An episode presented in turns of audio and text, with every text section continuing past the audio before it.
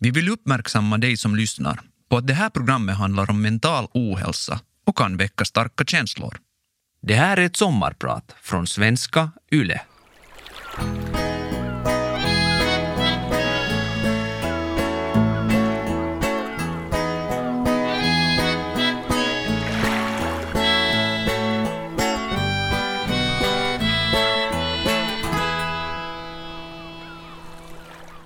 Det sägs att alla liv är olika och ingen människa liknar någon annan. Och vi har alla egna sorger och problem som kanske alltid inte syns utåt. Och det är därför vi inte ska döma varandra. Man kan aldrig veta vad någon annan släpper på. Det finns mycket klokt i det där, tycker jag. Jag vågar påstå att mitt liv är ganska annorlunda jämfört med de flesta som lyssnar på mig just nu. Jag säger inte det för att skryta. Jag skulle gärna byta min bakgrund mot en trygg och kärleksfull uppväxt utan krig och flykt och mobbning. Jag är född i irakiska delen av Kurdistan. Saddam Hussein förföljde kurderna. Det var krig och jag minns hur bombarna regnade över vår hemby. Ännu idag, nästan 40 år gammal, är jag rädd för höga smällar. När jag var fyra år flydde vi, min familj och jag. Vi gick i fem dagar och nätter över bergen till Turkiet. Det fanns ingen som kunde bära mig, för alla hade händerna fulla med de saker som vi kunde ta med oss från vårt hem. Fem år senare kom jag som flykting till Ekenäs och fick växa upp som finlandssvensk från en minoritet till en annan. De fem åren däremellan bodde vi i ett flyktingläger. Där fanns mat och en säng att sova i. Där fanns skola och barn att leka med. Men det var ett hårt och fattigt liv. Det var stressande att inte veta hur länge vi skulle bo där. Eller om vi kanske skulle skickas tillbaka till Kurdistan och en säker död. Jag tog varje chans som fanns att ta mig bort från lägret. Därför började jag jobba med att sälja saker på gatan. Min mamma stickade strumpor och vantar som jag sen sålde för att familjen skulle få lite extra pengar. Det var ingen som tvingade mig att göra det. Jag valde det själv. När jag idag tänker på den där ensamma åttaåriga pojken som går där bland bilarna och säljer stickade strumpor inser jag hur farligt det var. Att det kunde ha gått riktigt illa för mig. Kurderna behandlas inte bra i Turkiet heller, som vi vet. Men jag tror att det också gav mig en säkerhet. Jag lärde mig att ta mig fram, att lita på mig själv. Jag lärde mig att tala med människor, att tolka olika situationer. Det är kanske därför jag idag har tre olika serviceyrken, servitör, närvårdare och frisör. Jag lärde mig att drömma om bättre tider och att aldrig ge upp. Just det betyder mitt namn på kurdiska, ge aldrig upp. Jag heter Nabas Baki. Många av er känner mig som den där finlandssvenska kurden som talar en konstig finska i Big Brother i tv i vintras. Andra minns mig som bloggare med dyslexi som hade partybloggen. Den utsågs till årets mest originella blogg i Svenskfinland på den tiden då bloggarna var stora och heta. Idag är jag er sommarpratare. Jag kommer att berätta om mitt liv, om mobbning av både barn och vuxna, spelberoende, självmordsförsök, sorger och förluster. Men också om tacksamheten som finns där och som alltid får mig att orka vidare. Jag är kurd och kommer alltid att vara det. Också om jag idag inte längre ser kurdiska som mitt modersmål. Efter 30 år i Finland är svenska absolut mitt starkaste språk. Det är på svenska jag tänker och drömmer och det är på svenska jag talar och skriver bäst. Jag var som sagt bara fyra år gammal då min familj tvingades lämna Kurdistan. Och jag började nog tappa min första språk redan under åren i flyktinglägret i Turkiet. Istället lärde jag mig turkiska. Och när vi landade i Ekenäs blev det alltså svenska. Min familj har fortsatt hålla fast vid kurdiskan, så inte har jag glömt språket. Men det känns som ett främmande språk för mig idag. Jag har ett ganska litet ordförråd och känner mig ungefär som ett barn när jag pratar kurdiska. Vilket jag gör ganska sällan. Jag har inte så mycket kontakt med min familj av olika orsaker, bara med några systrar. Och med dem talar jag en blandning av svenska och kurdiska. Jag vill inte gå närmare in på orsakerna till varför jag inte har så mycket kontakt med mina föräldrar och övriga syskon. Men jag kan kanske säga så här. När man tvingas gå igenom så hemska saker som att fly sitt hemland och bo många år i en flyktingläger så sätter det djupa spår i alla som var med.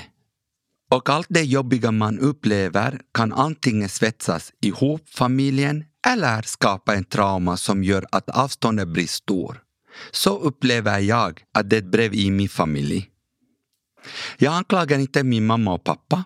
Tvärtom beundrar jag dem för att de vågade fly och gav sina barn en chans att leva i fred och frihet. Hade vi blivit kvar i Kurdistan hade vi knappast levt idag. De tog en jättestor risk och själva flykten var ett helvete. Jag har inte så många skarpa minnen från den men jag minns att vi var trötta och rädda för att Saddams soldater skulle komma och antingen döda oss eller ta oss till fånga. Och jag minns att vi var hungriga. Vi hade bara lite bröd och en liter vatten per dag. Det skulle räcka till hela familjen. Min starkaste minne är då mamma tvingades föda min lilla syster mitt under flykten, där uppe i bergen. Jag minns att jag var rädd att både mamma och babyn skulle dö. Men det gick tack och lov bra. Efter förlossningen var det bara att stiga upp och vandra vidare med ännu en familjemedlem. Nu var vi tio barn. Jag flyttade hemifrån redan som 16-åring och före det bodde jag mer eller mindre hos en kompis och hennes familj i flera år. Men trots det älskar jag min mamma och pappa. Kanske just det är det där kurdiska i mig. Många finländare som bryter med sina familjer har noll kontakt. Sån är inte jag. Vi träffas nu och då. Jag glömmer aldrig stunden då vi körde in i Ekenäs för första gången. Jag blev kär i den platsen och det är jag ännu idag. Efter många års väntan i flyttninglägret i Turkiet fick vi en dag veta att vi äntligen hade fått plats som kvotflyktingar. Först sa de att vi kunde välja mellan Kanada och Holland. Men sen blev det ändå Finland, för de sa att det skulle vara det snabbaste och enklaste sättet. Jag är superglad att det blev så. Jag älskar Finland. Vi möttes på flygplatsen av en buss som körde oss till Ekenäs. Det var en solig vårdag. Jag var nio år gammal och jag hade aldrig sett så mycket träd och buskar och blommor. Så mycket skog. Bergen i Kurdistan är ganska torra och där växer inte så mycket.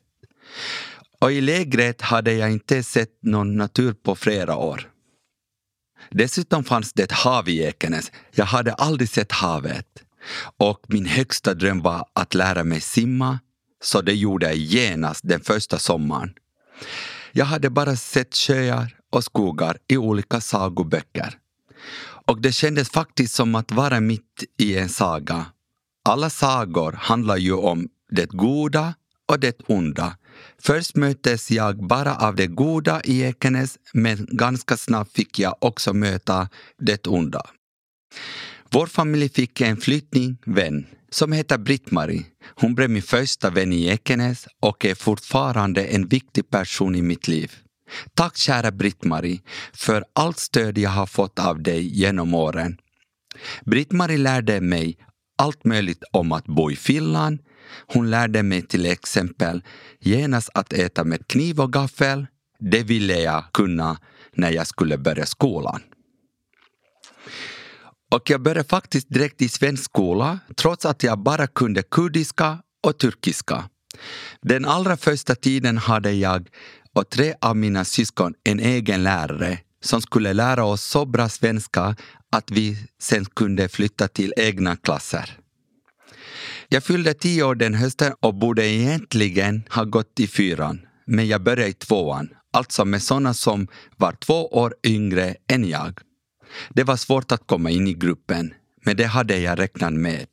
Jag fick bara en vän i klassen, resten hade jag ingen kontakt med.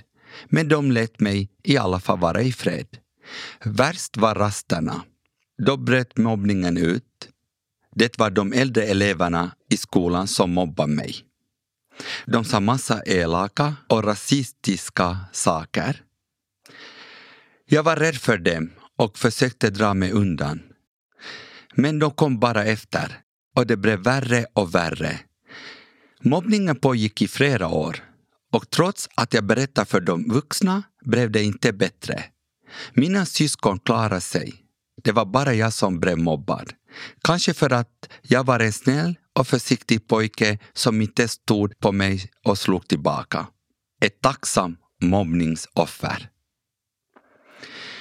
Skolan var jobbig. Bokstäverna hoppade av och an när jag läste. Efter en tid märktes det att jag hade dyslexi. Det var jättesvårt att skriva och läsa. Och därför blev alla ämnen svåra. Dessutom gjorde mobbningen att jag var rädd för att gå till skolan. Och rädda barn har svårt att lära sig saker. Det här gjorde att jag hade svårt att koncentrera mig i klassen. Jag blev en unge som störde och bråkade och efter en tid flyttades till den så kallade hjälpklassen. Där minskade mobbningen, men jag trivdes ändå inte.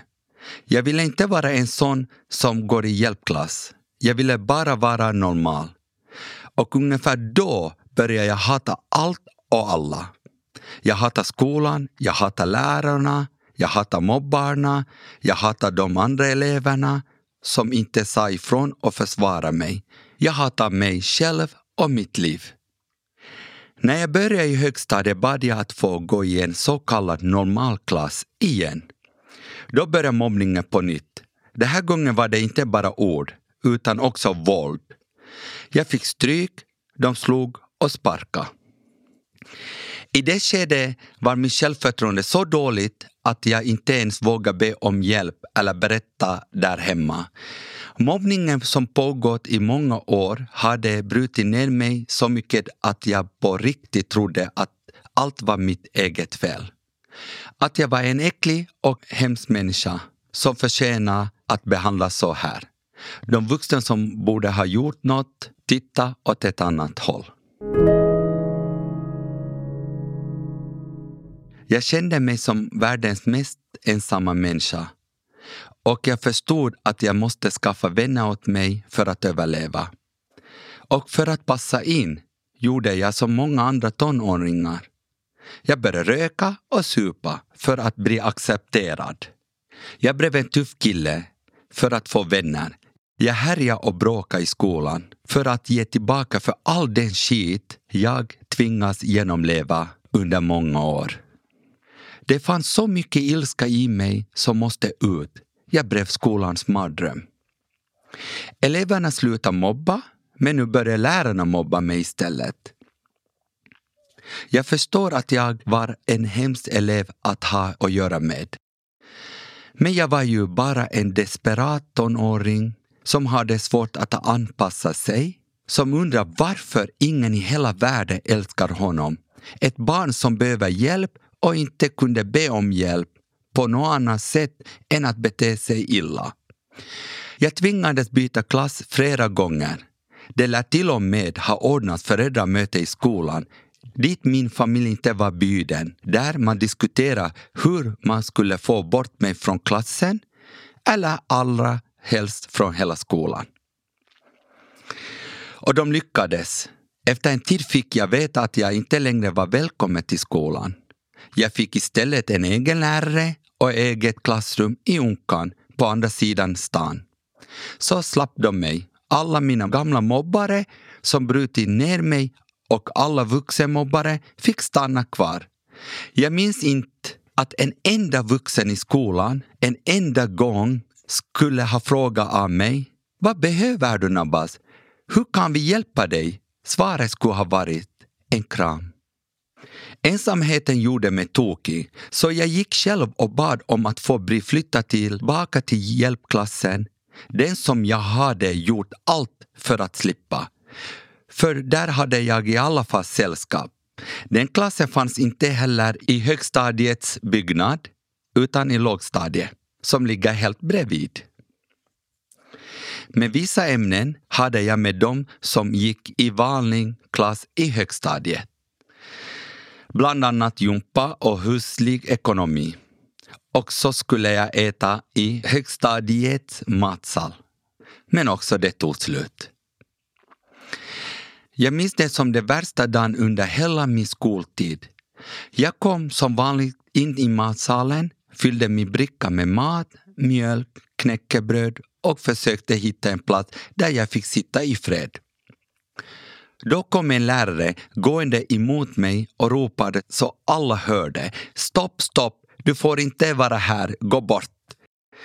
Det blev först helt tyst i matsalen. Sen började de äldre eleverna skratta. Med gråten i halsen försökte jag förklara att jag visst ska äta här. Så har mina lärare i hjälpklassen sagt Nej, nej, ut härifrån. Jag skämdes och önskade att jag skulle ha varit osynlig. Läraren såg ut att njuta av att förnedra mig. Tårarna brann bakom mina ögon. Jag förde bort allt mat som jag inte ens hunnit smaka på. Allt i roskisen. Och sen raka vägen hem. Jag fick aldrig en förklaring till varför jag skulle äta med lågstadiebarnen. Den dagen gick någonting för alltid sönder i mig. Jag har som vuxen förlåtit alla de barn som mobbade mig. De var barn. De förstod inte bättre. Vi hörde till de första flyktingarna som kom till Ekenäs. Folk var kanske ovana med utlänningar och de här mobbande barnen hade säkert lärt sig allt det rasistiska de sa hemma av sina mammor och pappor.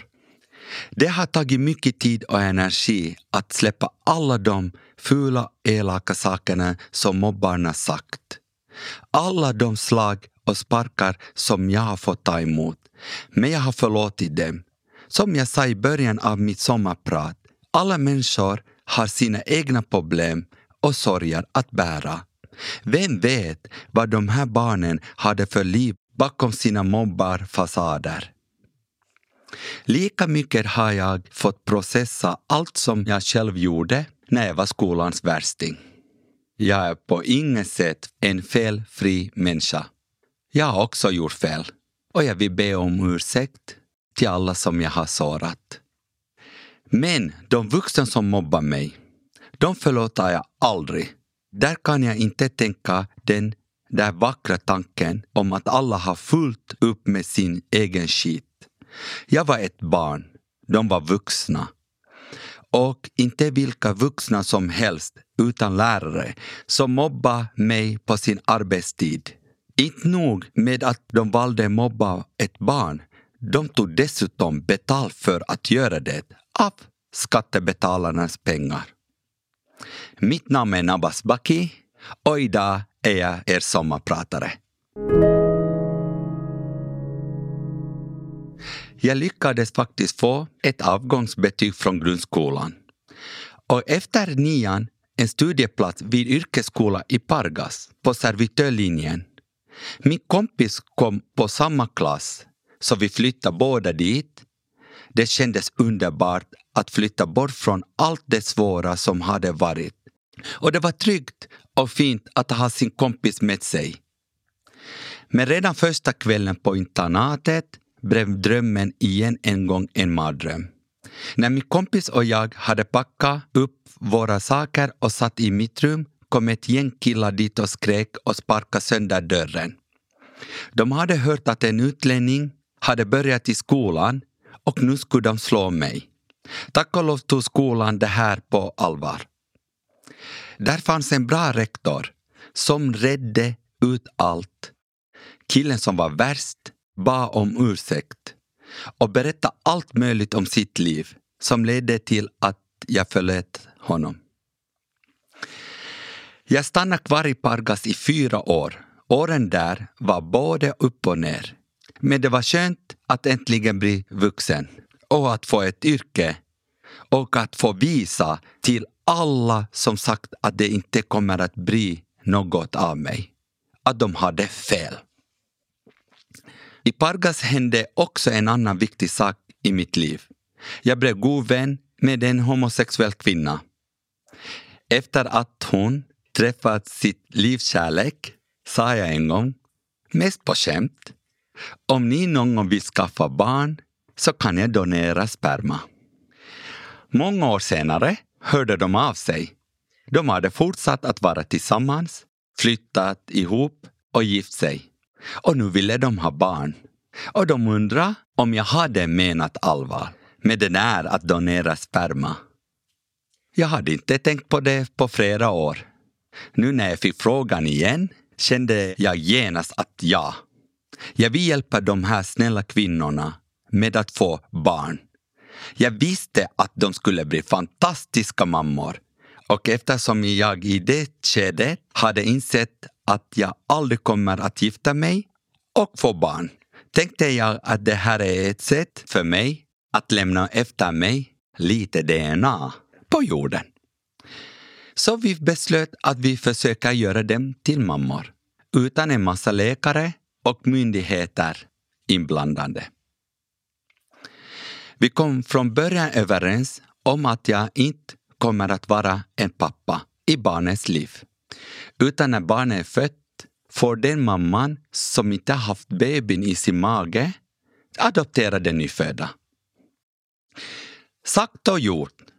Då var det bara att få det fixat. Och som ni förstår handlar det inte om ett traditionellt samlag. Alla som är tonåringar och äldre fattar säkert vad jag gjorde. Det där som de flesta vuxna sysslar med flera gånger i veckan, men som ingen talar om. Och sen behöver man bara en spruta så att sperma kan föras in i kvinnan som ska bära barnet. Det är viktigt att sperma inte hinner kallna. Så vi hade en snabb träff där jag gav min gåva. De körde hem med full fart och höll spermierna varma genom att placera dem mellan brösten på den ena mamman under en varm ylletröja. Och det lyckades med första försöket. En frisk och underbar pojke föddes. Och en lycklig familj kunde börja sitt liv tillsammans. Jag är alltså biologisk pappa, men ingen förälder. Bara en donator och en vän till familjen. Några år senare gjorde vi samma sak igen. Så idag är de en fin familj med två mammor och två barn. Barnen är biologiska syskon, tack vare mig. De har olika biologiska mammor, men samma biologiska pappa. Barnen vet att jag är deras donator och vi har ofta kontakt via nätet. De kallar mig inte för pappa och jag kallar dem heller inte för mina barn. Jag blir varje gång lika glad av att se deras lycka och att veta att också jag på det här sättet faktiskt är en liten del av en kärleksfull familj. Efter åren i Pargas flyttade jag hem tillbaka till Ekenäs. Det kändes jättebra att komma hem igen. Att känna just det, att Ekenäs är mitt hem. Och det hade varit bra för mig att vara borta från stan och bli vuxen. Jag fick jobb som servitör och livet rullade på. Men jag var sällan lycklig. Det fanns en tomhet i mig. Då fattade jag inte vad det var. Men det var förstås mitt trauma som jag aldrig tagit tag i och rätt ut. Utan alltid bara sprungit vidare till nästa grej för att överleva. När man har ett sånt där svart tomrum inne i sig är det ganska vanligt att man börjar missbruka. Många missbrukar alkohol eller droger eller kanske mat eller sex. Jag blev spelmissbrukare. Till början en stund varje dag. Så småningom många, många timmar. Jag kunde sitta uppe på nätterna och spela på många olika nätkasinon. Ibland fick jag någon vinst, oftast förlorade jag bara. Hela min lön gick åt och snart hade jag skulder som blev större och större. Jag hade inte råd att köpa mat eller att betala hyran. Jag lånade pengar av vänner och bekanta och spelade bort dem. Och var helt fast i missbruket. Jag kunde inte betala tillbaka skulderna och började ljuga. Jag hade grym ångest som bara lättade då jag spelade ännu mera. Just då var ångesten borta. Genast efter det kom det tillbaka med dubbel kraft. Jag skämdes, men jag visste inte hur jag skulle ta mig ut ur det här. Till sist såg jag ingen annan utväg än att ta livet av mig. Jag var olycklig och deprimerad och hade hemska skulder. Tack och lov hade jag goda vänner. En av dem blev orolig när hon inte fick tag i mig. Hon visste hur illa jag mådde så hon kom genast till lägenheten och hittade mig i sista stund. Jag har inga minne av det. Hon ringde både polisen och ambulansen. Och jag kördes till sjukhuset där jag låg som i koma i ett par dygn. När jag vaknade upp var jag arg för att jag misslyckats. Jag var arg på min vän som hittade mig och räddade mitt liv. Jag var arg på läkaren. Jag blev skickad till Ekåsens sjukhus som alltså var ett metallsjukhus som fanns i Ekenäs på den tiden. Idag finns Raseborgs stadshus i samma byggnad. Där fick jag vård i en vecka. Det var första gången som jag förstod att man faktiskt kan få hjälp om man vågar be om det. Och därifrån kom jag tack och lov vidare till Tolvis Center i Malax som hjälpte mig med mitt spelberoende. Därifrån skickades jag ännu vidare till en klinik i Sverige som har specialiserat sig på just spelberoende. Det förändrade mitt liv. Jag kände för mig själv att jag är spelberoende och började det klassiska tolvstegsprogrammet. Jag fick hjälp att bearbeta mitt trauma, allt från flykten från Kurdistan till mobbningen och den där stora känslan av ensamhet. Idag är jag fri från mitt beroende. Eller rättare sagt, en gång beroende, alltid beroende. Men med hårt arbete och hjälp av proffs och andra som är i samma situation som jag har jag lärt mig att hantera det här. Jag tar en dag i taget och känner stor tacksamhet för att jag lever. Jag har mött många sorger i mitt liv, men alla andra kommer nog i skuggan av det som hände för snart två år sedan. Det värsta som kan hända hände. Ett barn dog. Min älskade gudson Colin, som bara var tio år gammal, gick bort i en tragisk olycka. Hans mamma är min bästa vän. Jag brukar kalla henne min syster. Då jag inte kunde bo hemma under tonåren var det hos hennes familj som jag bodde. Det gjorde oss till syskon.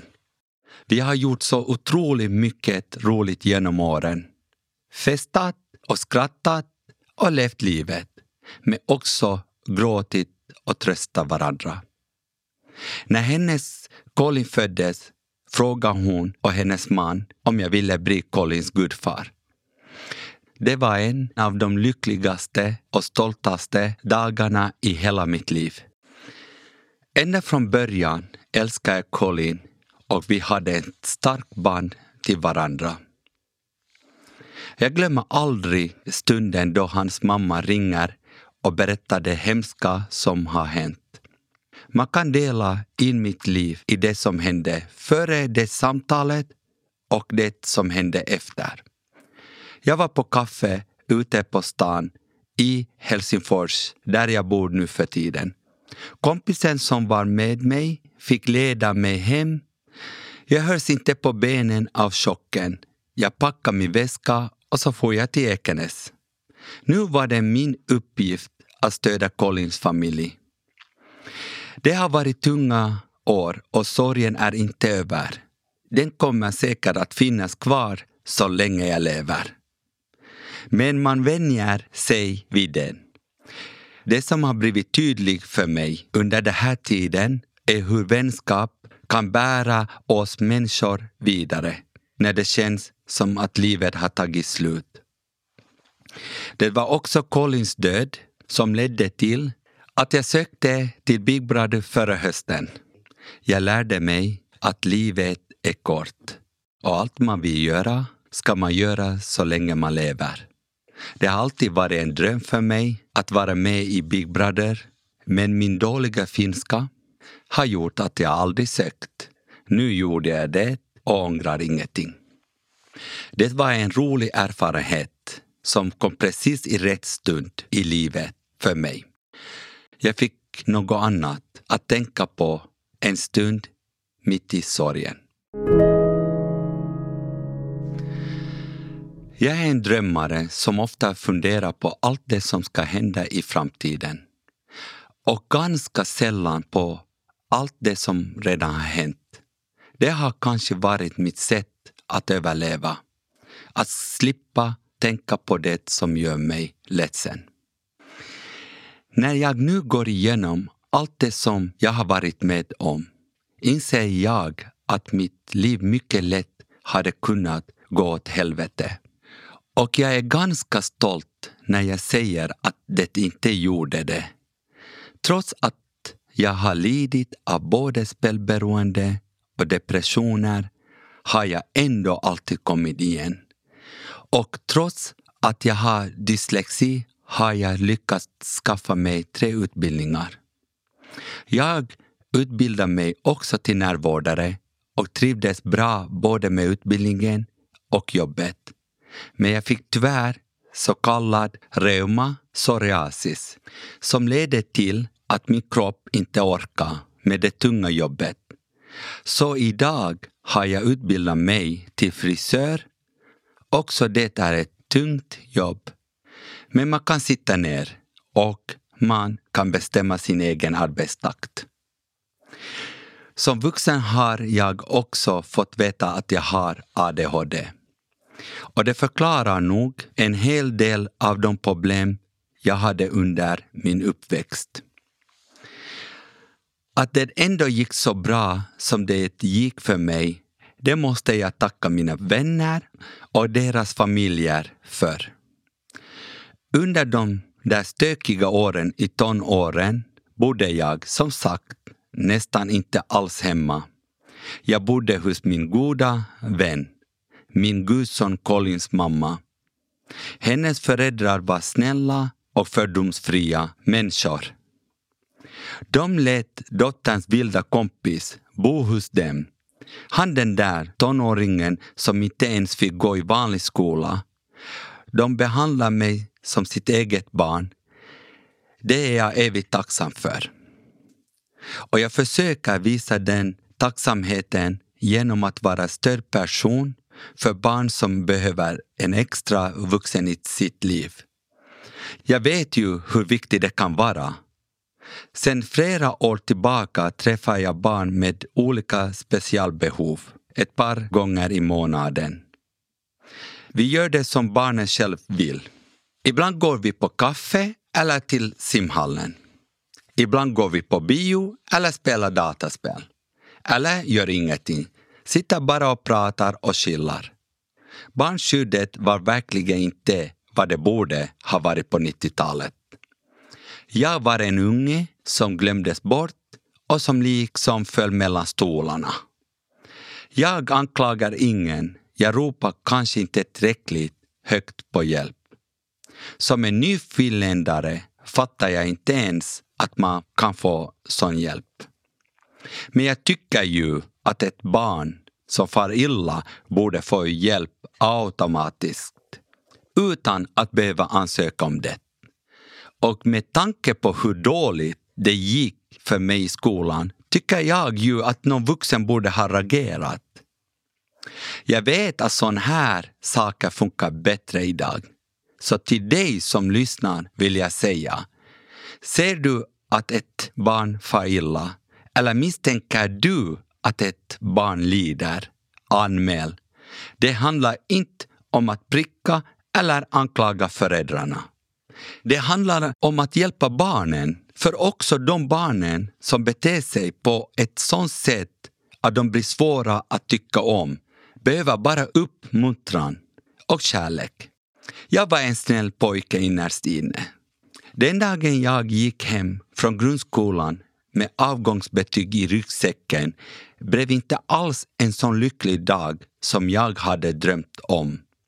I många, många år hade jag längtat efter dagen då jag skulle få stänga dörren till skolan. Men ryggsäcken med betyget var tung som sten. Där fanns en massa trauma och hat och ilska. Jag var ledsen, trots att det borde ha varit den gladaste dagen i mitt liv. Jag gick hem och kände för första gången jag inte längre orkar leva. Då kom Britney Spears låt Baby One More Time i tvn. Och det låter säkert helt underligt, men på något sätt räddade den sången mig. Jag kände glädje för första gången på många år. Jag blev glad av hennes sång och började dansa för mig själv och fick någon inre styrka. Han den där pojken som har varit skolans skräck dansar alltså ensam hemma till Britney Spears. Då är man nog inte så farlig människa. Jag har Britneys namn tatuerat på min arm. Jag älskar henne. Hon är en stark kvinna som har fått gått igenom mycket skit. Hon känns som min syskonsjäl. Jag som har varit din sommarpratare idag heter Nabas Baki. Jag önskar just dig en rolig, solig sommar och ett liv med mycket kärlek och vänskap. Då klarar man alla motgångar. Du har lyssnat på Vegas sommarpratare med Nabas Baki. Redaktör Thomas Lundin. Vegas sommarpratare görs av Paradmedia för Svenska Yle.